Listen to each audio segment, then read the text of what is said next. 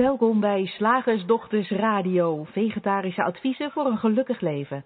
Linda Spaanbroek en Angela Mastwijk geven je een kijkje achter de toonbank van de menselijke ervaring. Hoe werkt het daar nu echt? Wij maken gehakt van ingewikkelde concepten en fileren met liefde ook jouw leven. Dat alles onder het motto geluk. Mag het een onsje meer zijn? Goedenavond luisteraars, hier is Linda en welkom ook, uh, of goedenavond ook Angela. Hi allemaal. Um, vandaag uh, hebben wij een uitzending met als thema verleden, heden, toekomst. Maar voor we daaraan beginnen wil ik je natuurlijk eerst heel graag vragen om je dilemma's, vragen, problemen, opmerkingen, inzichten met ons te delen via welkom@deslagersdochters.nl of als je live meeluistert via het Q&A vak hier uh, lager op de pagina waar je, uh, waar je live meeluistert. Um, dan kunnen wij met je vragen aan de slag later deze uitzending. Uh, later, de toekomst. maar uh, nu eerst um, ja, verleden, heden, toekomst. Omdat we gemerkt hebben, Angela en ik, dat, dat er zo'n heel dingetje is over leven in het nu. Maar ja. dat dat eigenlijk nog helemaal niet zo makkelijk is. Um, en toen dachten we van ja, hoe zit dat nou eigenlijk met dat nu? En dat ja, verleden en die toekomst. En je moet ja. toch wel aan de toekomst denken, want anders kun je vandaag toch niet de juiste beslissingen nemen. Ook dat ja. Ja. en vooral ons, ons, het eerste punt uh, wat we genoemd hadden, ongemerkt leven in het verleden, dat vond ik een hele mooie. Want uh, dat, dat is wat we vaak doen, ook al denken we nog zo in het nu te zijn. Alles wat we zien is eigenlijk al een soort, soort uh, verleden tijd. Omdat je, om, omdat je altijd een eigen perceptie eroverheen legt, die, die nou ja, niet anders dan uit het verleden kan komen. Hè? Dat, is, dat is eigenlijk heel intrigerend als je, als je, als je daarin duikt. Omdat als ik hier naar, een, een, naar de tuin kijk, dan heb ik in mijn hoofd al concepten over, oh dat is een klaproos, dat is gras, dat is onkruid, uh, uh, dat is een vissenvijver, dat soort dingen. En uh, ja, dat, dat was voor mij een van de, een van de punten waar, waarom ik dit eigenlijk een heel interessant onderwerp vond voor een uitzending. Omdat we ons daar niet zo, niet zo bewust van zijn eigenlijk. Nou, ik moet je zeggen dat ik er op die manier zelfs nog nooit naar gekeken heb. Zoals je het oh, nou, dat is dan ook nog heel leuk. leer ik ook weer wat vandaag. Ik zat, ik zat eigenlijk zelf veel meer. Uh, um, ik ben het met je eens hoor, wat je zegt. Uh, ik zat zelf alleen misschien iets. Nou ja, in ieder geval iets wat. wat ik kan niet eens woorden aangeven. dat is niet zo belangrijk. wat dat nou precies voor gedachte is. Maar ik, ik zat, als het gaat om ongemerkt in het verleden leven, eigenlijk nog een stapje terug en meer het echte verleden. Uh, mm-hmm. Omdat ik merk dat we heel vaak, we, ik, men, uh, heel vaak alsmaar teruggrijpen naar het verleden. Um, um, toen ik in januari bij jou in uh, Portugal was en wij daar langs die prachtige uh, kusten liepen, merkte ik aan mezelf dat ik aan het vergelijken was met de kust van Engeland waar ik jaren daarvoor geweest was. En dan wil ik niet zeggen dat ik daarmee ineens totaal in het verleden leefde. Maar het is wel, uh, het, het, was wel, weet je, het haalde me wel terug, die gedachte aan die andere kust die ik ooit jaren daarvoor had gezien, haalde mij wel uh, een soort van uit het nu naar het verleden. En ik merk het ook in gesprekken met mensen, hoe makkelijk het is om, om gesprekken te voeren die over het verleden gaan. hey, hoe gaat het met je? En dan ga je vertellen wat er allemaal gebeurd is. vorige week, de afgelopen maand, soms ook vandaag. Weet je, ik, ik leg net de telefoon in met mijn vriend die uh, op moment in het buitenland is. Ja, en dan vraag je ook, en hoe was het vandaag? En dan, en dan vertel je over vandaag. En dat is niet erg, dat wil ik niet zeggen. Maar je bent dan wel bezig met het verleden. En dat was meer hoe ik er naar aan het kijken was. ja, ja, ja je, je kleurt daarmee een soort het, het heden. En waar ik aan moest denken bijvoorbeeld, ik hoor mijzelf trouwens enorm in een echo. Ik weet niet of dat uh, iets aan jouw kant is. Ja, misschien helpt het als ik jou zachter zet. Ja, zet mij maar wat zachter. Helpt het? Ja, dat helpt zeker. Waar ik aan moest denken bijvoorbeeld, uh, is een aantal weken geleden was ik in Amsterdam op zo'n eh, gezamenlijke werkplek. Uh, waar, je, waar je gewoon met je computer heen gaat om te, om te werken. En ik was daar met, uh, met mijn zoon om aan zijn scriptie te werken. De D's en de T's, zeg ik maar even. En je kon daar ook heerlijk lunchen. Er was een grote tafel, kon je van alles van afpakken. En je kon daar ook dan uh, dingen uitwisselen, kennis uitwisselen. Dat was, is dan ook het idee van zo'n locatie. Nou ja, dan heb je van dat soort gesprekjes. Hallo, wat doe jij? Waar kom je vandaan? Wat is jouw uh, specialiteit? En een man vroeg mij, goh, waar, en waar ben jij gevestigd? En ik zei, nou, nergens, want uh, ik reis rond, ik woon, in een, ik woon in een camper. En toen zei hij, ach, nou ja, dat is ook vervelend. En ik, moest, ik moest er heel erg op lachen. Ik zei, oh, dat vind ik een hele originele reactie. Want de meeste mensen zeggen, oh, wat gaaf. En natuurlijk ook. Maar deze man had een heel andere ervaring in zijn hoofd. Hij zei, ja, nee, maar ik, ik ken ook iemand die dat doet. En ja, door een scheiding, geen huis meer en, en geen middelen om uh, ergens anders uh, normaal te wonen. Dus ja, die, die moest ook in een camper.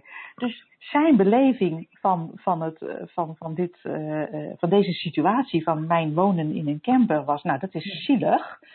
Ja. Omdat hij een, dus een verhaal had meegemaakt dat hij nog steeds in zijn hoofd had. Dat, dat, je, dat, dat je daarin terechtkomt vanwege gebrek aan financiële middelen. Dus dat was zijn uh, verleden, had hij meegenomen, een verhaaltje uit het verleden. Dat projecteerde hij op, op, uh, op mij, op, terwijl ik hem in dat moment voor hem stond. En dat vond ik ja. heel grappig. Want, alleen, ook al omdat het zo, zo buiten de normale reacties uh, viel die ik, normaal, die ik anders krijg.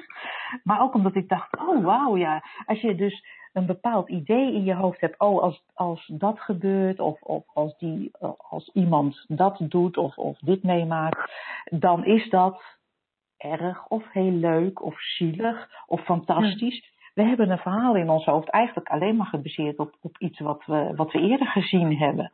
En ja. niet op de realiteit. Ja, ja, en, en, um, en dat zeg maar dingen baseren op wat we eerder hebben gezien. Uh, ik, denk, ik denk dat dat ook veel dieper gaat dan we vaak denken. Of je het nou over eenvoudige dingen hebt als uh, je ergeren aan het feit dat de buurjongen harde muziek op heeft staan, omdat hij dat vorige week en de maand daarvoor ook al deed. Uh, dan, dan, dan, dan, dan is de ergernis nu groter doordat ja. je het al een keertje mee hebt gemaakt. Uh, maar, maar ook uh, dingen die vaak als wat erger ervaren worden. Je bent in het, uh, nou, je hebt in het verleden een auto-ongeluk gehad. En um, of je bent slecht behandeld door je ouders. Of je hebt een relatie gehad waar je slecht in behandeld werd. Of je hebt een ziekte gehad waar je slecht in behandeld. Uh, of het, waar je destijds veel last van had en een moeilijke periode hebt gehad. En ik kom ook veel mensen tegen die hun, hun ik of wie ze zijn nog steeds definiëren op basis van dat trauma wat ze ooit hebben opgedaan. Ja. ja. Waardoor ze het verleden eigenlijk heel erg met zich meedragen in het nu.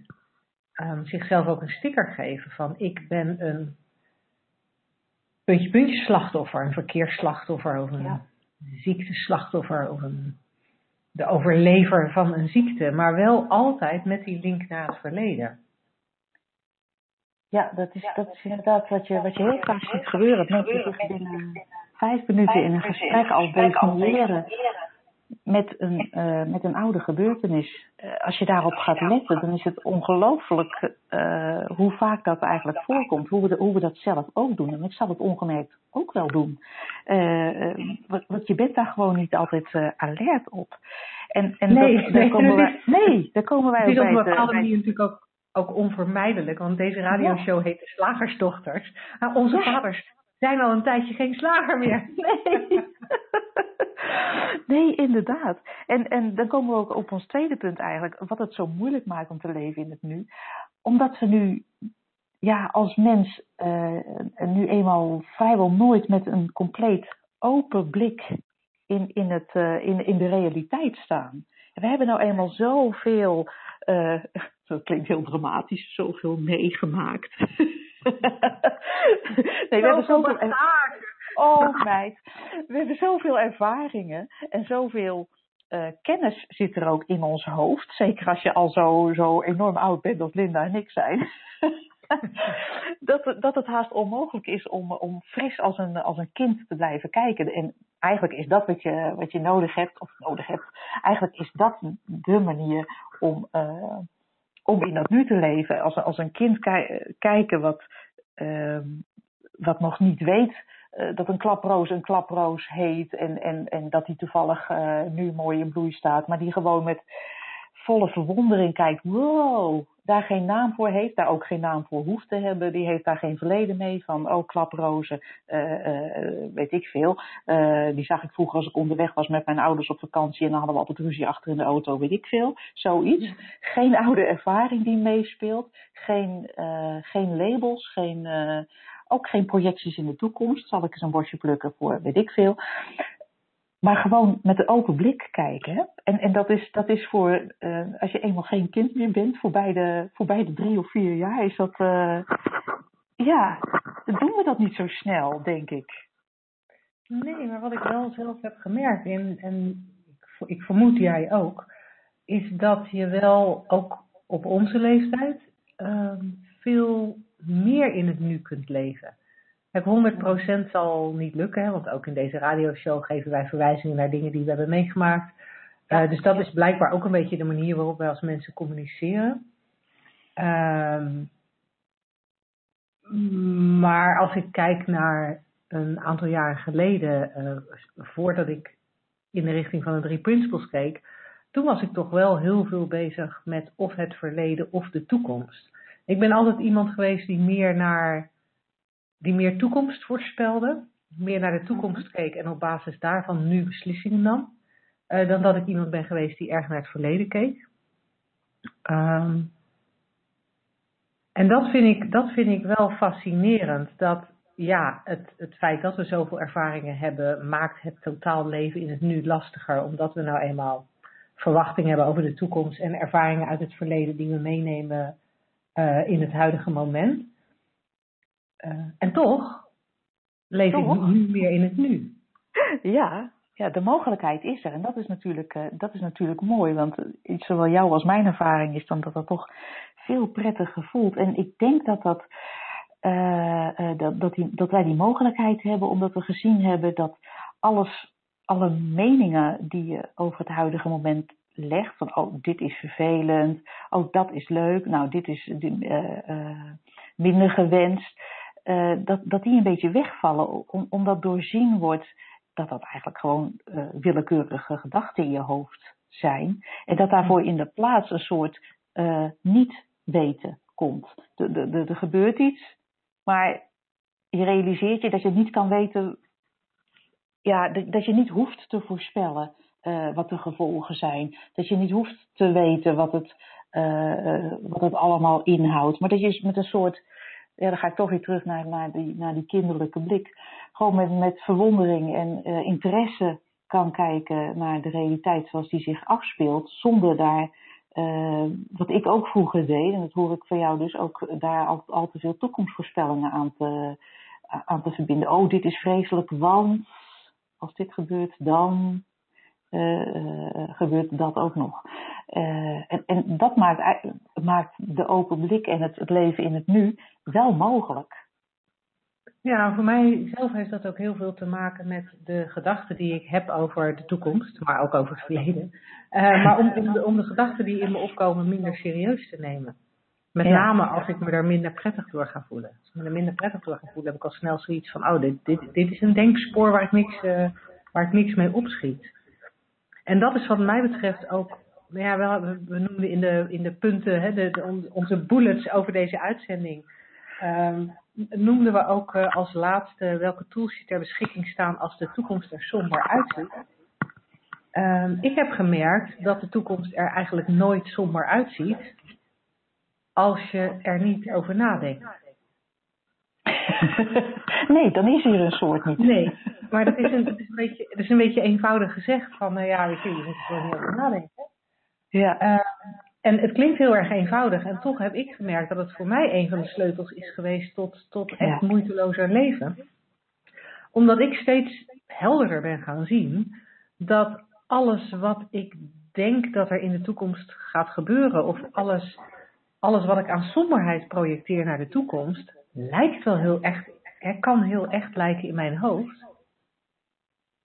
Maar is uiteindelijk alleen maar een gedachte die ik zelf bedenk, waarvan ik totaal niet weet of die uit gaat komen of niet. En dat heeft voor mij wel ervoor gezorgd dat ik eigenlijk, um, nou sowieso geen somber toekomstbeeld meer heb, maar dat ik ook bijzonder weinig problemen ervaar. ik liep, ik liep vanochtend, ik liep uh, mijn hond uit te laten. En toen dacht ik, ik, ik, heb, ik, heb gewoon, ik heb echt geen problemen. Gewoon echt niet. en ik probeerde, ik probeerde nog iets te bedenken. Ik dacht, er moet toch iets zijn. Ik heb, ik heb jarenlang altijd en overal problemen gezien die opgelost moesten worden. En ik kon echt niet. Het wordt bijna saai. nou ja, nee, want ik heb verder een hele leuke dag gehad. Ik heb me enorm ja. vermaakt. En ik, ik denk natuurlijk nog steeds wel na over dingen. Ik heb vanmiddag ook zitten, zitten sparren met een, uh, met een vriend slash collega. En dan, en dan ja, zit, zit, zitten we ook te praten over ons bedrijf. En, en we zitten een beetje te fantaseren over wat ik in de toekomst eh, graag zou willen doen. Maar daar zit, ja, het is een soort was er niet vroeger zo'n eh, zo'n zo'n boek of film, De Oneindige Lichtheid van het Bestaan? Ja, ja. Voor mij zit er, zo'n, zit er dan echt zo'n oneindige lichtheid in fantaseren over de toekomst. Uh, om, omdat ik echt in alle oprechtheid de, de problematische en sommige gedachten blijkbaar niet serieus neem of zo ik weet niet eens of, of, of je snapt wat ik bedoel. Of ja, nee, ik, ik, snap zeker wat je bedoelt. Het is voor mij helemaal, eh, helemaal helder.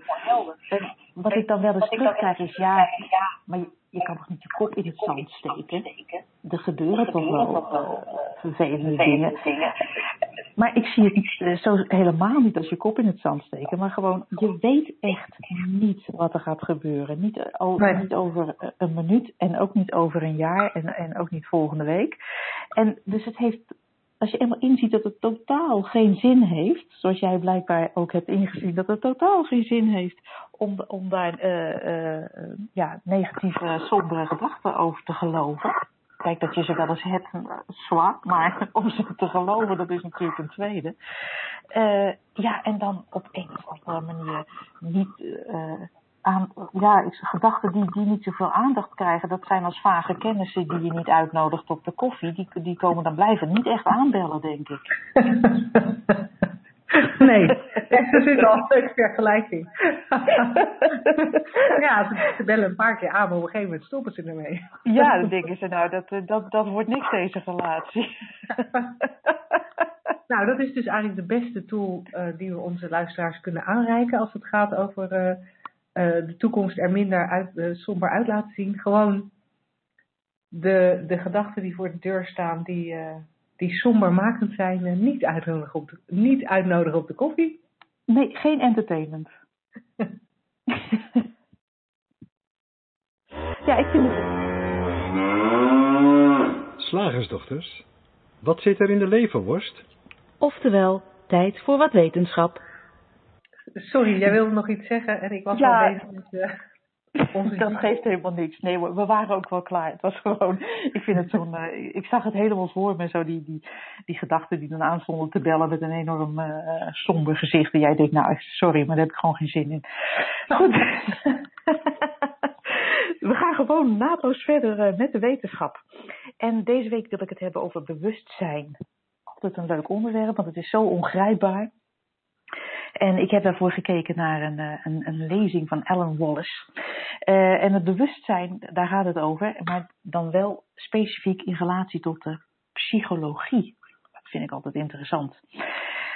Uh, even een beetje achtergrond. Ja, als je over wetenschap praat, dan willen we graag bewijzen hebben.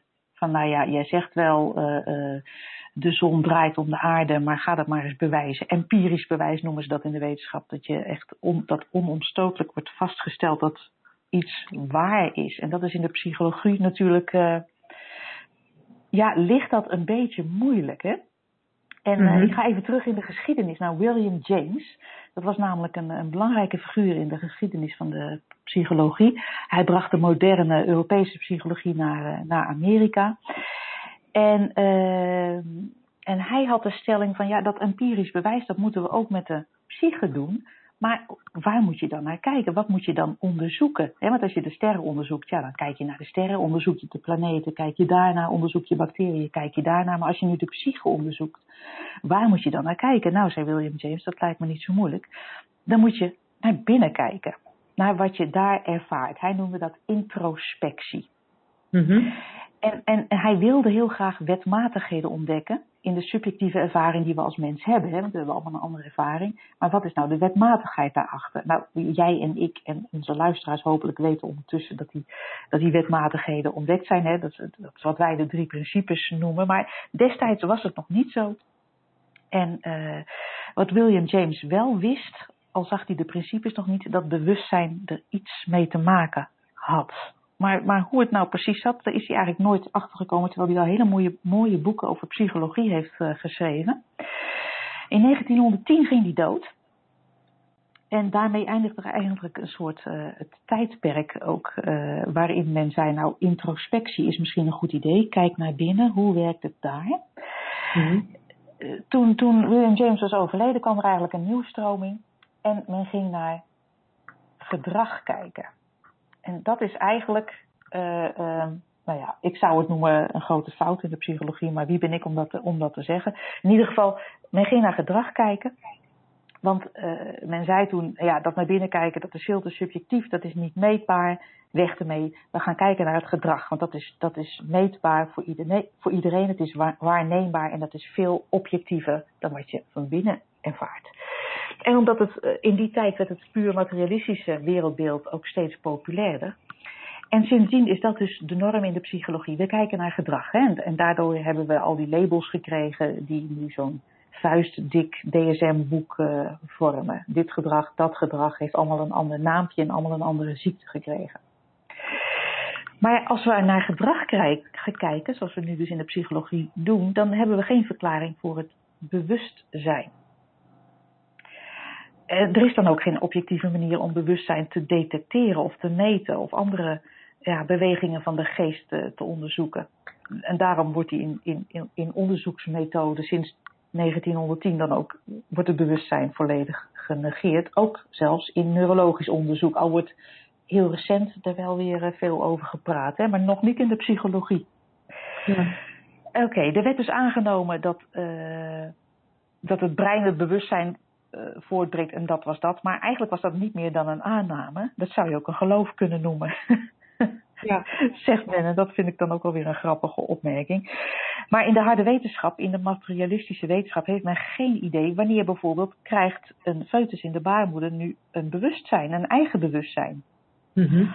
Of waar in de evolutie ontstond het bewustzijn, heeft men ook geen antwoord op. En wat is het verschil tussen het, en het verband tussen het biologische brein en de, en de psyche? Nou, er is nog dus daar geen antwoord op, omdat we kijken zoals we kijken. En ook dus niet in de psychologie, omdat die nu eenmaal voortkomt uit dat wereldbeeld. Ja. Maar het feit dat we zonder bewustzijn de materie niet kunnen waarnemen en bestuderen, dat, ja, dat wordt volledig genegeerd al, al sinds uh, de tijd dat het dus gescheiden werd, hè, wetenschap en spiritualiteit. Nou, mm-hmm.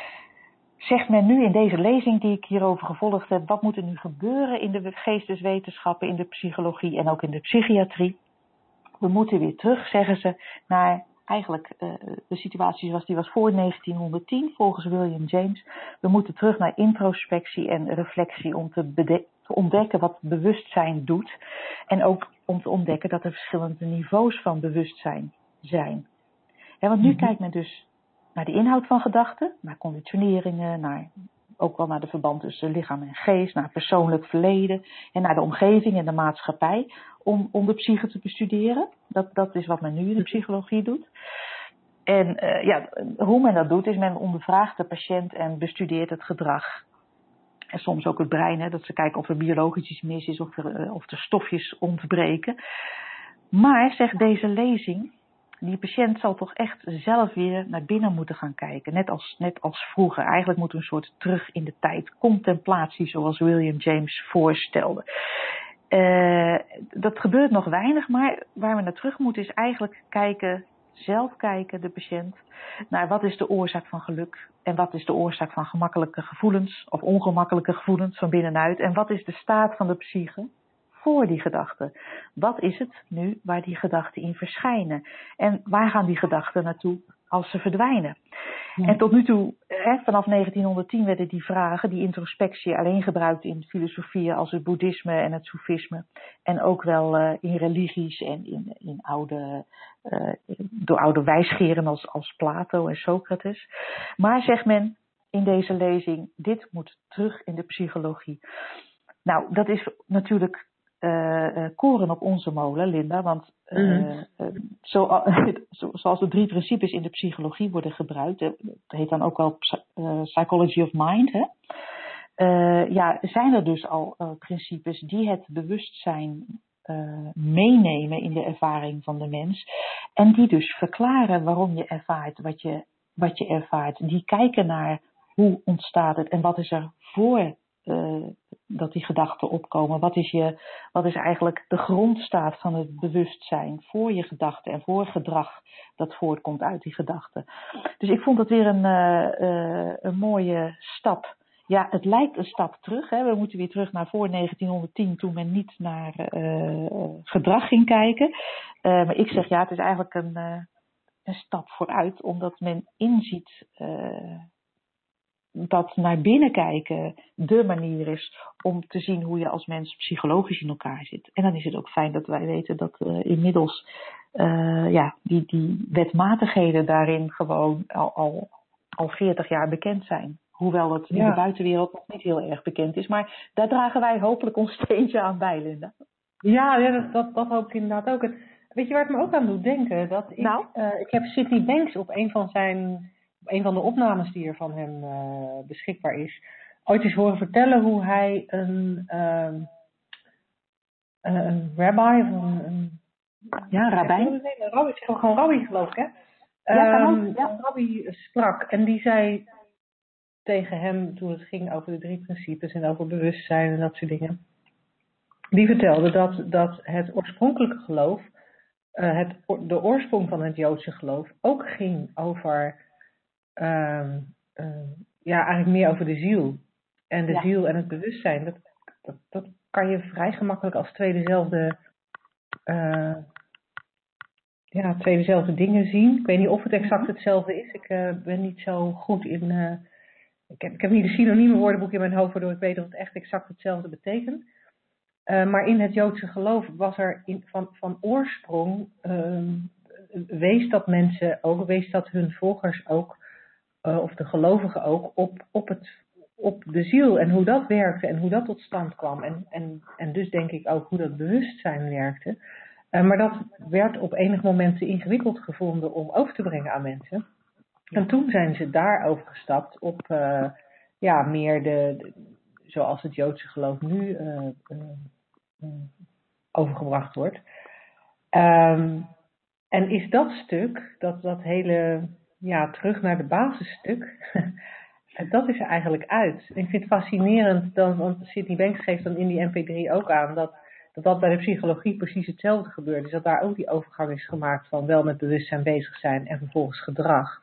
Uh, en dat we daar eigenlijk ook terug zouden moeten naar dat bewustzijn. Dus grappig dat jij nu ja, een, iets tegen bent gekomen waarin, uh, waarin dat eigenlijk ondersteund wordt. Ja, ja het is uh, inderdaad mooi dat, uh, dat je dat, uh, dat dat terug lijkt te komen. Dat men in ieder geval weet dat wat, wat men nu toepast, het kijken naar gedrag, daar een label op plakken en het gedrag gaan behandelen, dat dat dus eigenlijk niet zo goed werkt.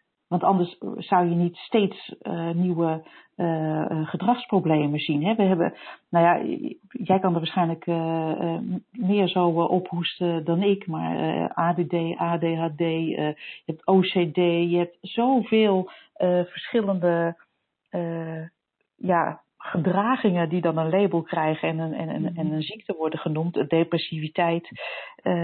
maar ja, en als we, als we, als we, als we ze niet echt helemaal kunnen labelen, omdat ze niet voldoen aan alle uh, checkpoints die er zijn, niet, niet, niet alle, alle vinkjes gezet kunnen worden bij een bepaald patroon, dan verzinnen we iets als uh, ja. uh, PDD-NOS en dat NOS, dat staat dan voor Not Otherwise Specified. Dus ja, dan heb je ja, een disorder, ja. maar ja, die is eigenlijk niet gespecificeerd. Maar dan hebben we in ieder geval een etiket voor je. Ja, dat zie je bij eetstoornissen ook, ja. Ja, niet, niet, niet anders omschreven of zo. NAO doen ze dat dan in het, in het Nederlands ook. Ja, want je hebt dan niet eten of heel veel eten en dan uit, uitspugen. En je hebt dan uh, heel veel eten en niet uitspugen. En allerlei combinaties ja. daarvan. En dan is het ja niet anders gespecificeerd. Maar, maar het werkt, uh, ja, dat, dat aanpakken van gedrag. Hopelijk ziet men in de psychologie ook dat het, ja, het leidt alleen maar tot meer labels en, en meer trucjes en, uh, en, uh, ja, en, en minder uh, aanpak bij de wortel. Ik zag deze week dat er weer een, een nieuw platform in Nederland is opgericht ter, om, om psychische ziektes meer draagvlak te geven. Mm-hmm. Zodat men zich niet hoeft te schamen, bijvoorbeeld voor, voor depressies. Zoals je je ook niet hoeft te schamen voor een hernia. En ik heb die mensen ook een bericht gestuurd van, van hartstikke mooi, hè, want ze gaan er heel veel geld uh, voor inzamelen. Maar kijken jullie ook nu naar de wortel? Ja, ik krijg daar helaas geen antwoord op. Dat vind ik dan ook weer jammer. Want ik denk, uh, we kunnen heel veel aandacht voor van alles vragen. Want kijk eens, oh, oh, er zijn heel veel mensen depressief. En er zijn heel veel mensen die last hebben van stress, wat miljarden kost in de samenleving. Er zijn heel veel mensen die, die uh, last hebben van eetstoornissen, wat, uh, wat soms totaal uit de hand loopt tot, tot de dood aan toe. En dan denk ik, ja, we kunnen overal wel aandacht voor vragen, maar laten we alsjeblieft met z'n allen een platform oprichten waar we kijken naar de wortel. En de platform is er al, want het heet gewoon de Slagersdochters. Hoe vind je dat? Ja, dus zegt het voort. ja, ja, echte oplossingen beginnen inderdaad bij, uh, bij introspectie. Waar komt het vandaan? Kijk naar binnen. Uh, uh, en kun je ontdekken dat, dat wat jou zo beperkt, wat jou zo pijn doet, wat jou zo doet handelen als je doet handelen, dat dat slechts ja. nou ja, slecht zeg ik dan tussen aanhalingstekens hier, uh, uh, een gedachte is. En ja, dat je die dat, niet hoeft te geloven.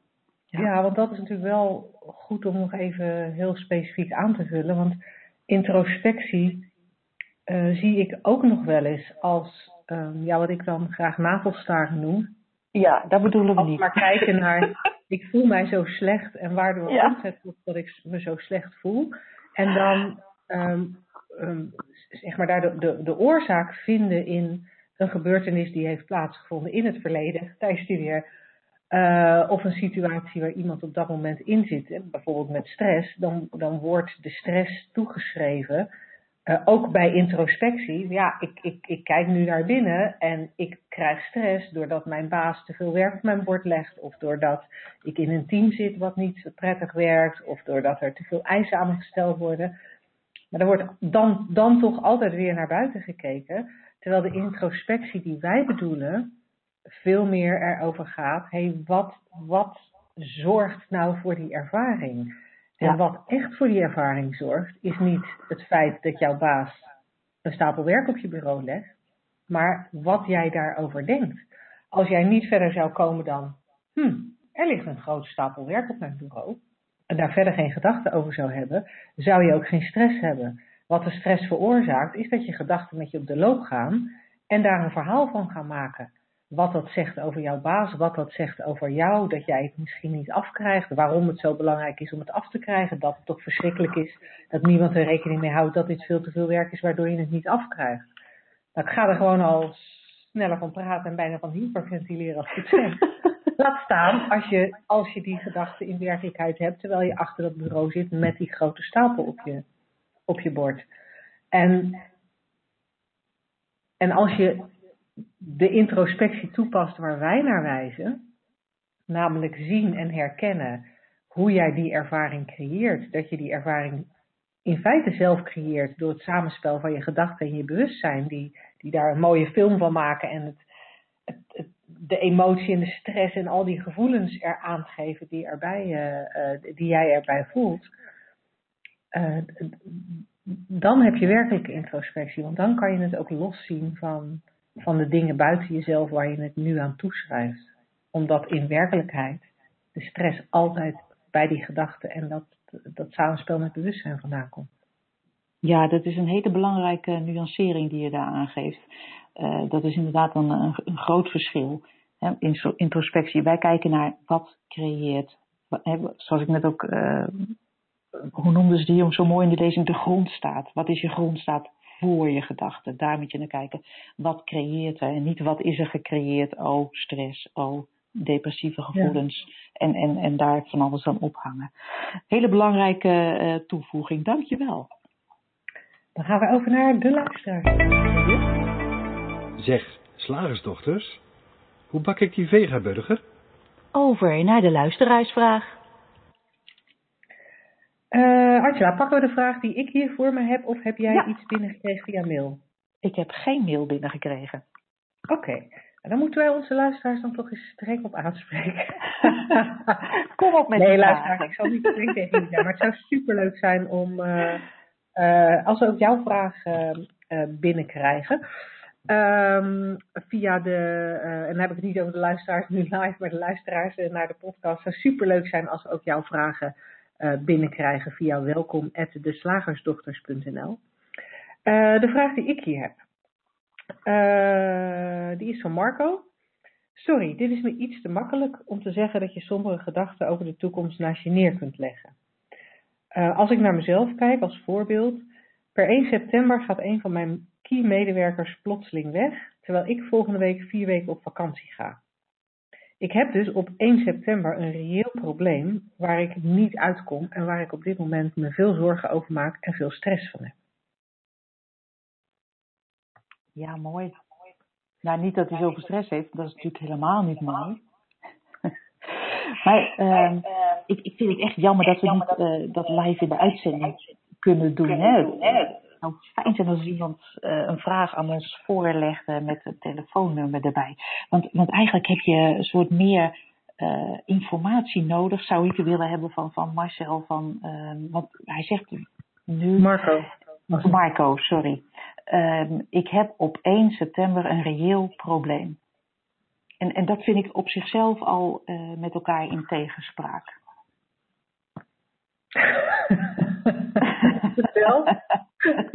Waarom is dat niet Het is nog geen 1 september, dus in realiteit kan dat nooit zijn. En dat is niet dat ik met woorden wil spelen of, of uh, uh, laten zien van, oh, uh, wij, wij weten zo goed van wat nu is en wat straks is.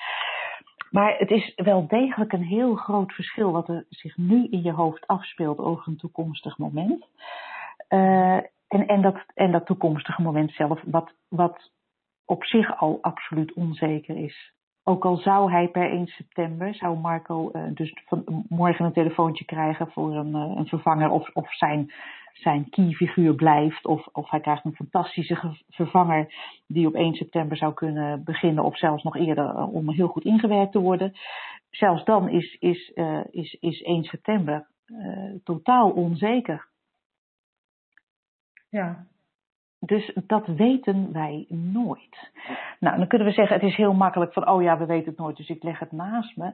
Nou, het werkt eigenlijk, dat, dat is ook weer een, een nuancering. Um, als ik zeg, ik moet iets naast me neerleggen, dan zeg ik eigenlijk, dit is iets reëels, maar ik ga er niet naar kijken. Mm-hmm. En wat wij zeggen is, dit wat je nu in je hoofd hebt is niet reëel, dat kan je doorzien. Dus het is niet zo van ik heb hier echt een, uh, een kilo suiker in mijn hand, maar ik zet het achter me neer, dan zie ik het niet. Nee, die kilo suiker is, is een compleet uh, gefantaseerd uh, object. Ja. Zoals elk toekomstig moment een compleet gefantaseerde realiteit is. En dan kan je zeggen, ja, daar heb ik, uh, dat is mij uh, te esoterisch, daar heb ik niet zoveel aan. Uh, maar mijn ervaring is, Linda, en jij zal daar straks vast ook nog wel voorbeelden van hebben, schat ik zo in. Dat als je dat helder kan zien, oké, dit verzin ik. Daar hoef ik mij dus niet mee bezig te houden. Het zijn, ze staan voor de deur, het zijn kennissen, ik vind ze echt niet gezellig. Ik heb cake, maar ik ga het ze niet aanbieden. dan is er de mogelijkheid om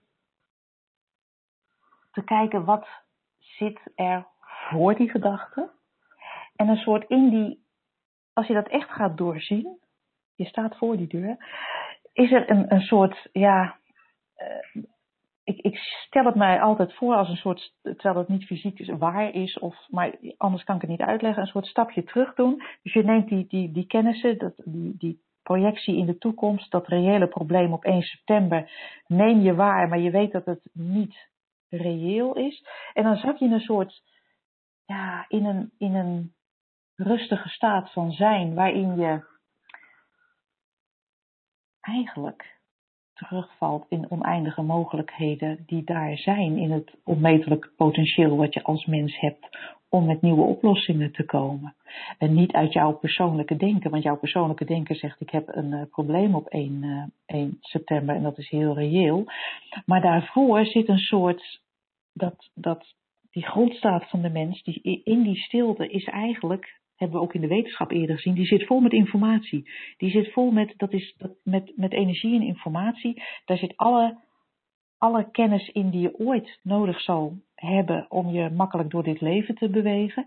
En daar zitten ook waarschijnlijk 2 miljoen oplossingen in voor, uh, voor het geprojecteerde probleem op 1 september. Ik kan niet voorspellen voor Marco wat die oplossing zal zijn. Ik weet wel dat hij, net als ik en net als jij, de mogelijkheid heeft om in die stilte te zakken als je eenmaal doorziet dat die geprojecteerde problemen niet echt zijn, dat dat gewoon uh, verzinsels van, van het persoonlijke brein zijn. En, en zijn eigen oplossingen te vinden, zijn eigen mogelijkheden te zien. En uh, eigenlijk door, een, uh, door, door dat te doen, verhoogt de staat van je bewustzijn zich vind ik altijd heel esoterisch klinken, alsof je ineens gaat zweven of zo. Maar uh, ja, wat we daarmee bedoelen is eigenlijk dat je een, een, een groter overzicht krijgt. En je staat, in plaats van dat je beneden aan de lift staat met je kop tegen die muur aan, uh, sta je ineens bovenop en kan je zien allemaal wat er omheen ligt. Oh, ik kan die eens bellen. Oh, uh, ik kan, uh, weet ik veel, dat uit zijn bureau inschakelen. Oh, maar wacht even, die en die heeft vroeger bij mij gewerkt, is nu werkloos. Ik, ik noem maar wat, hè. Ik, ik verzin ze waar ja, je bij staat. Uh, ik, kan, uh, ik kan die ene grote opdracht per 1 september, uh, ik kan eens bellen naar die organisatie of het voor hun een probleem is om het door te schuiven naar 1 oktober. Ik bedoel maar, zoiets. Ja. De mogelijkheden zijn, zijn eindeloos, maar die zie je, die zie je het best. Je ziet er het meest. Je bent optimaal, functioneer je als mens, als je dat soort projecties gewoon ziet voor wat ze zijn. Ja projecties. Ja. Ja. Ja, en ik heb, ik heb zelf ook meer en meer de ervaring. En ik had toevallig vanmiddag een gesprek met een klant waar een, een beetje datzelfde uitkwam. Dat we vaak zo proberen te forceren hoe de toekomst eruit moet zien. En dat heb ik natuurlijk Ja. vaker gezegd in deze uitzendingen. Maar dat is met dit ook, hè? Want ja, weet je, 1 september, dan moet er een nieuwe medewerker zijn. Want, want dat Ja. is, weet je, met een medewerker, zo, dat is hoe je, zoals jij het net noemde, de toekomst hebt geprojecteerd. En dan willen we nog wel eens in het hier en nu echt enorm gaan forceren, omdat wij bedacht hebben dat dat moet, dat dat dus ook zo zal zijn. En, en zijn we in staat om onze vakantie ervoor op te zeggen, om maar te forceren dat er op 1 september een nieuwe medewerker is. Want dan pas is het leven goed. En dan pas loopt de zaak door. En dan pas uh, uh, nou ja, hè, worden de klanten goed geholpen. En, en wat jij net al aangaf, dat lijkt allemaal heel reëel. En, en vaak als je dat, volgens mij altijd zelfs, als je dat los kan laten, dan, dan openen zich andere mogelijkheden en dan gebeuren er ook andere dingen. Um, als, je, als je kunt vertrouwen dat, dat er altijd nog die universele levensenergie is, die ervoor zorgt dat de dingen wel gebeuren. En die, die, die hoor ik in jouw verhaal, um, hoor ik die ietsje minder. En ik zat wel te denken, van, ja, daar zit volgens mij ook wel een crux als het gaat in vertrouwen dat het, dat het dat er een oplossing zal zijn, linksom of rechtsom, wat het dan ook Ja. zal zijn. Maar dat er, dat er op 1 september voor Marco een situatie is waar hij op dat moment mee kan dealen. En de Marco van nu kan er misschien moeilijk mee dealen, maar de Marco van 1 september weet wat hij op dat moment zou moeten doen, wat de situatie ook is. En, en door die universele levensenergie, waar, hè, waar alles door gevoed wordt, of het nou de, de eikels zijn die in eikenbomen veranderen, of, of het, het, het vruchtje dat, dat, dat uh, of het foetusje dat uitgroeit tot een, tot een, uh, tot een babytje dat geboren wordt. Het is, daar zit een energie achter waar wij geen invloed op hebben. Maar ik heb vaak wel het idee dat we dat heel erg proberen. En ik zie meer en meer dat als we die energie gewoon zijn werk laten doen, en dat is ook mega esoterisch. Want ja, wat nou? Wat laat ik dan zijn werk doen? Waar geloven wij nou met z'n allen in? Uh, weet je, dat, dat, dat, dat, dat kan heel vaag klinken. Het kan ook als een soort religie of geloof klinken. En toch zie ik meer en meer, er is een levensenergie aan de slag, aan de gang en die doet iets. Om, uh, om een concreet voorbeeld te geven van die klant van vanmiddag, die vertelde dat hij een, uh, een grote opdracht voor zijn bedrijf uh, kon krijgen. Hè? Daar was hij over in gesprek. maar er waren wat haken en ogen aan en hij heeft enorm, enorm, enorm zijn best gedaan om die opdracht te krijgen in eerste instantie. En in tweede instantie dacht hij, nou weet je, ik laat het maar op zijn beloop. Als het zo moeilijk gaat, dan klopt er iets niet. En dat vond ik een mooie gedachte, want vanuit hè, die levensenergie, dan, die, die toch wel stroomt, mag je daar ook van uitgaan dat, uh, dat weerstand een teken is van, hé, hey, je bent niet in de juiste richting aan het, uh, aan het gaan. Dus hij had dat als zodanig geïnterpreteerd, had gedacht, nou ja, oké, okay, laat maar, dan weet ik het niet. Jammer hoor, van die mooie opdracht. en vervolgens, doordat hij die opdracht niet heeft uh, gedaan, um, werd hij kort daarna benaderd voor een andere opdracht die hij aan kon nemen. Omdat opdracht ja. 1 niet doorgegaan was en hij gelukkig verder ook niet geforceerd had om daar toch proberen uh, binnen te komen. Want opdracht 2, die nu ineens voor de deur stond, bleek een opdracht te zijn met veel meer toekomstperspectief. Voor zover wij de toekomst kunnen voorspellen. Maar ja. was, uh, is dat een opdracht met heel veel contacten met interessante partijen uh, voor eventuele toekomstige opdrachten. Dus nu heeft hij zoiets van, hé, hey, dit, dit, dit is eigenlijk beter. Wat ben ik blij dat ik toen niet doorgegaan ben met forceren. En ik snap dat het een iets ander voorbeeld is dan, uh, dan dat van Marco. Maar ook in Marco's geval kan ik me voorstellen dat nu niet forceren en erop vertrouwen dat zich wel een oplossing aandient,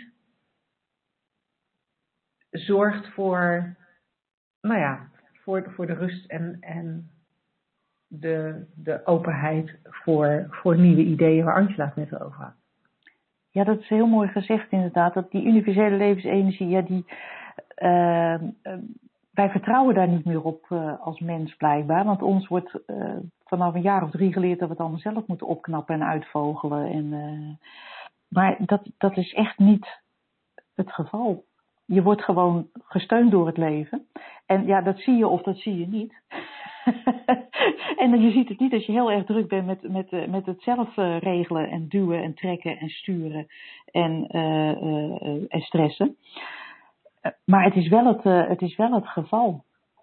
Ja. En dat vind, ik een, uh, dat vind ik een hele mooie aanvulling. Want dat, dat, ja, als je je dat realiseert, misschien dat, dat Marco dat uh, terugkijkend op zijn leven ook wel kan zien. Oh ja, ehm, eigenlijk ja, is er overal een oplossing voor en, en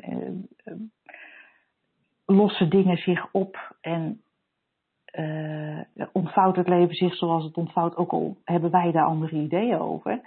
Maar ja. het, leven, ja, het leven steunt je gewoon. Ja, en dat is ook leuk dat je dat zegt. Als je terugkijkt op je leven, dan zie ik bij mezelf wel dat ik gevochten heb om bepaalde dingen voor elkaar te krijgen of, of um, anders te laten zijn dan ze waren. En uiteindelijk gebeurde er toch wat er gebeurde. En dat had vaak niet zoveel te maken met wat ik probeerde te forceren. Maar ik was ja. wel heel druk bezig en ik had, raakte veel energie kwijt uh, aan, aan wat ik vond, uh, uh, aan het proberen te realiseren dat wat ik vond dat er moest komen.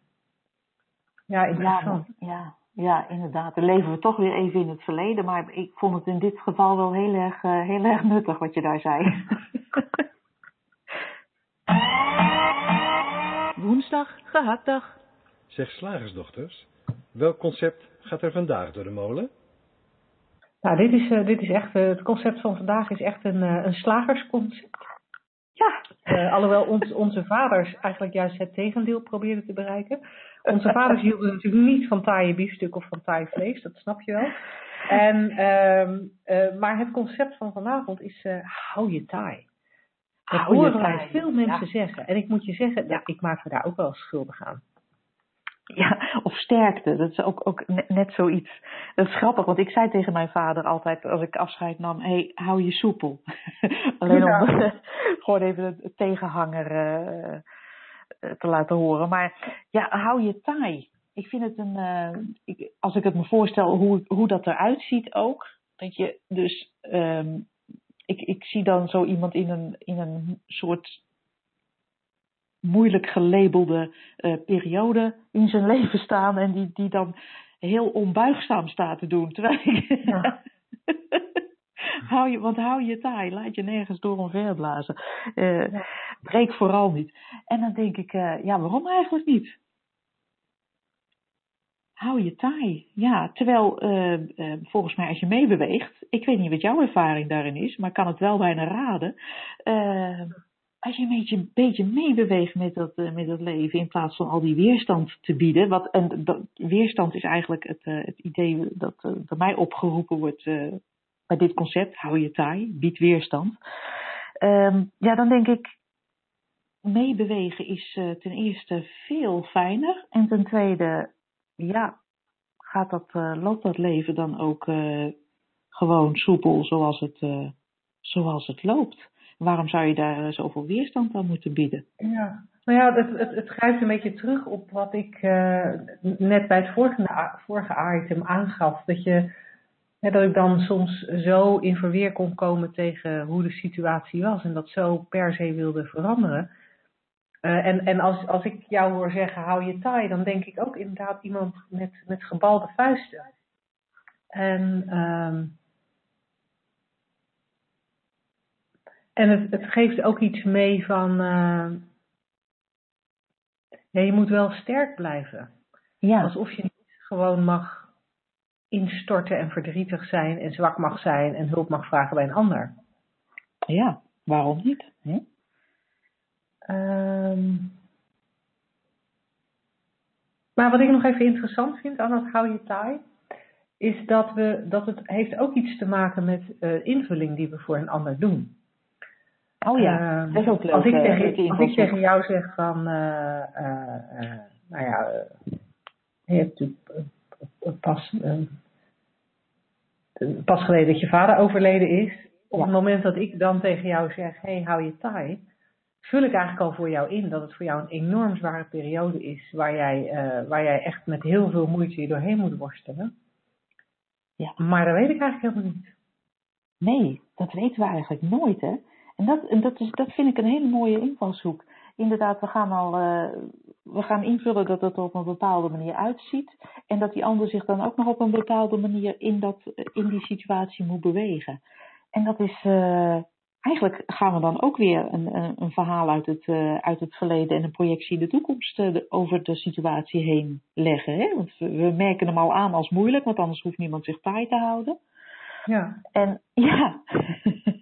Die ander vertellen we dan ook, mocht hij dat zelf nog niet weten, dan vertellen we hem ook dat het inderdaad wel een hele zware situatie is. Ja. En, en dat hij zich op een bepaalde manier uh, moet gedragen. Terwijl, ja, wetend dat die gedachten die wij allemaal, uh, allemaal hebben, dat die volledig random opkomen. En dat je in het ene moment uh, enorm verdrietig kan zijn. En in het volgende moment enorm plezier kan hebben. En in het volgende moment helemaal een leeg hoofd kan hebben. Ja. zonder dat het allemaal ja, betekenis heeft, zonder dat er een verhaal bij hoeft. Ja, hoef je niet op een bepaalde manier te zijn. Hoef je niet op een bepaalde manier te gedragen. Ik, dat is heel grappig. Wij, ehm, vorige week maandag zat, zat, ik aan het ontbijt met mijn geliefde. En die dag werd mijn vader gecremeerd. En in mijn, in mijn achterhoofd staat, ik moet om half tien hier weg.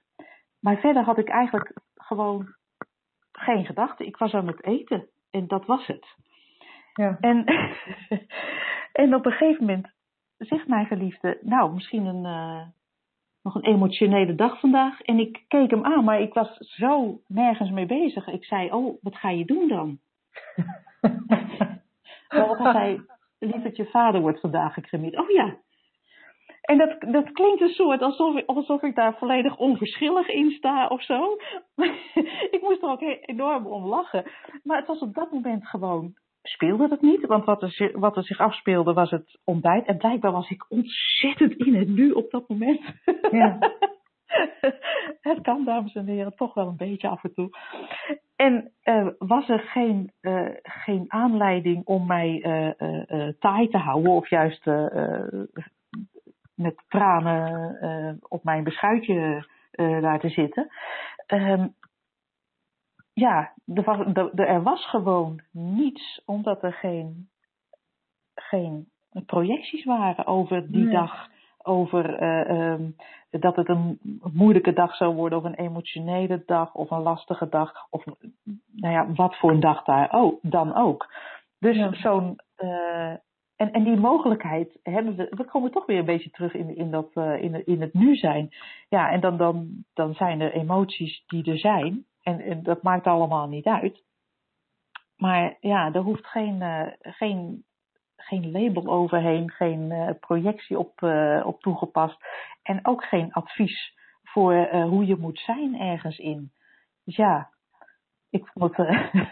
ik, van de week vertelde ik het nog aan iemand. Ik vond het eigenlijk zo'n zo'n grappig voorbeeld. Zodat je dan compleet niet, ja, niet in de situatie zit. Die eigenlijk vanaf de buitenwereld misschien wel lijkt als een uh, uh, situatie die gelabeld wordt op een bepaalde manier. Hè. Er is iemand dood en die, die, die wordt gecremeerd. En dat is een, nou ja, een periode van noem het maar op, rouw, van verdriet. Van, uh... En ik heb ook in die, in die, in die week en op die dag speciaal heel veel, heel veel het woord, heel veel sterkte gehoord.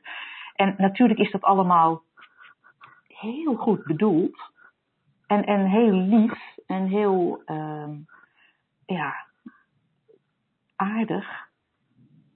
En elke keer dacht ik, ja, weet ik niet.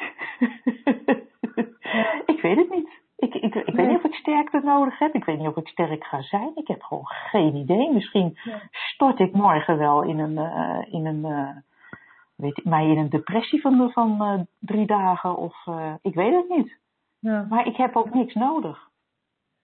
Nee, en, en is gewoon... wat, wat, ik, wat ik ook het interessante vind, is dat um, jouw stem sterkte wensen of tegen iemand zeggen hou je taai uh, eigenlijk heel erg uh, bevestigt ja. het idee dat er iets is buiten jou wat ervoor zorgt dat jij je slechter of beter voelt. Ja, dat is het. Uh, dan heb ik het even niet over lichamelijke ziekte, want daar, die vind ik dan even in, in, eh, in, de korte tijd die we nu hebben te ingewikkeld om hierbij te betrekken. Maar met name, hè, zoals waar jij nu, uh, de, wat jij de afgelopen uh, periode hebt ervaren dat je vader is overleden of dat je in een verhuizing zit waar, waar je heel hard moet werken.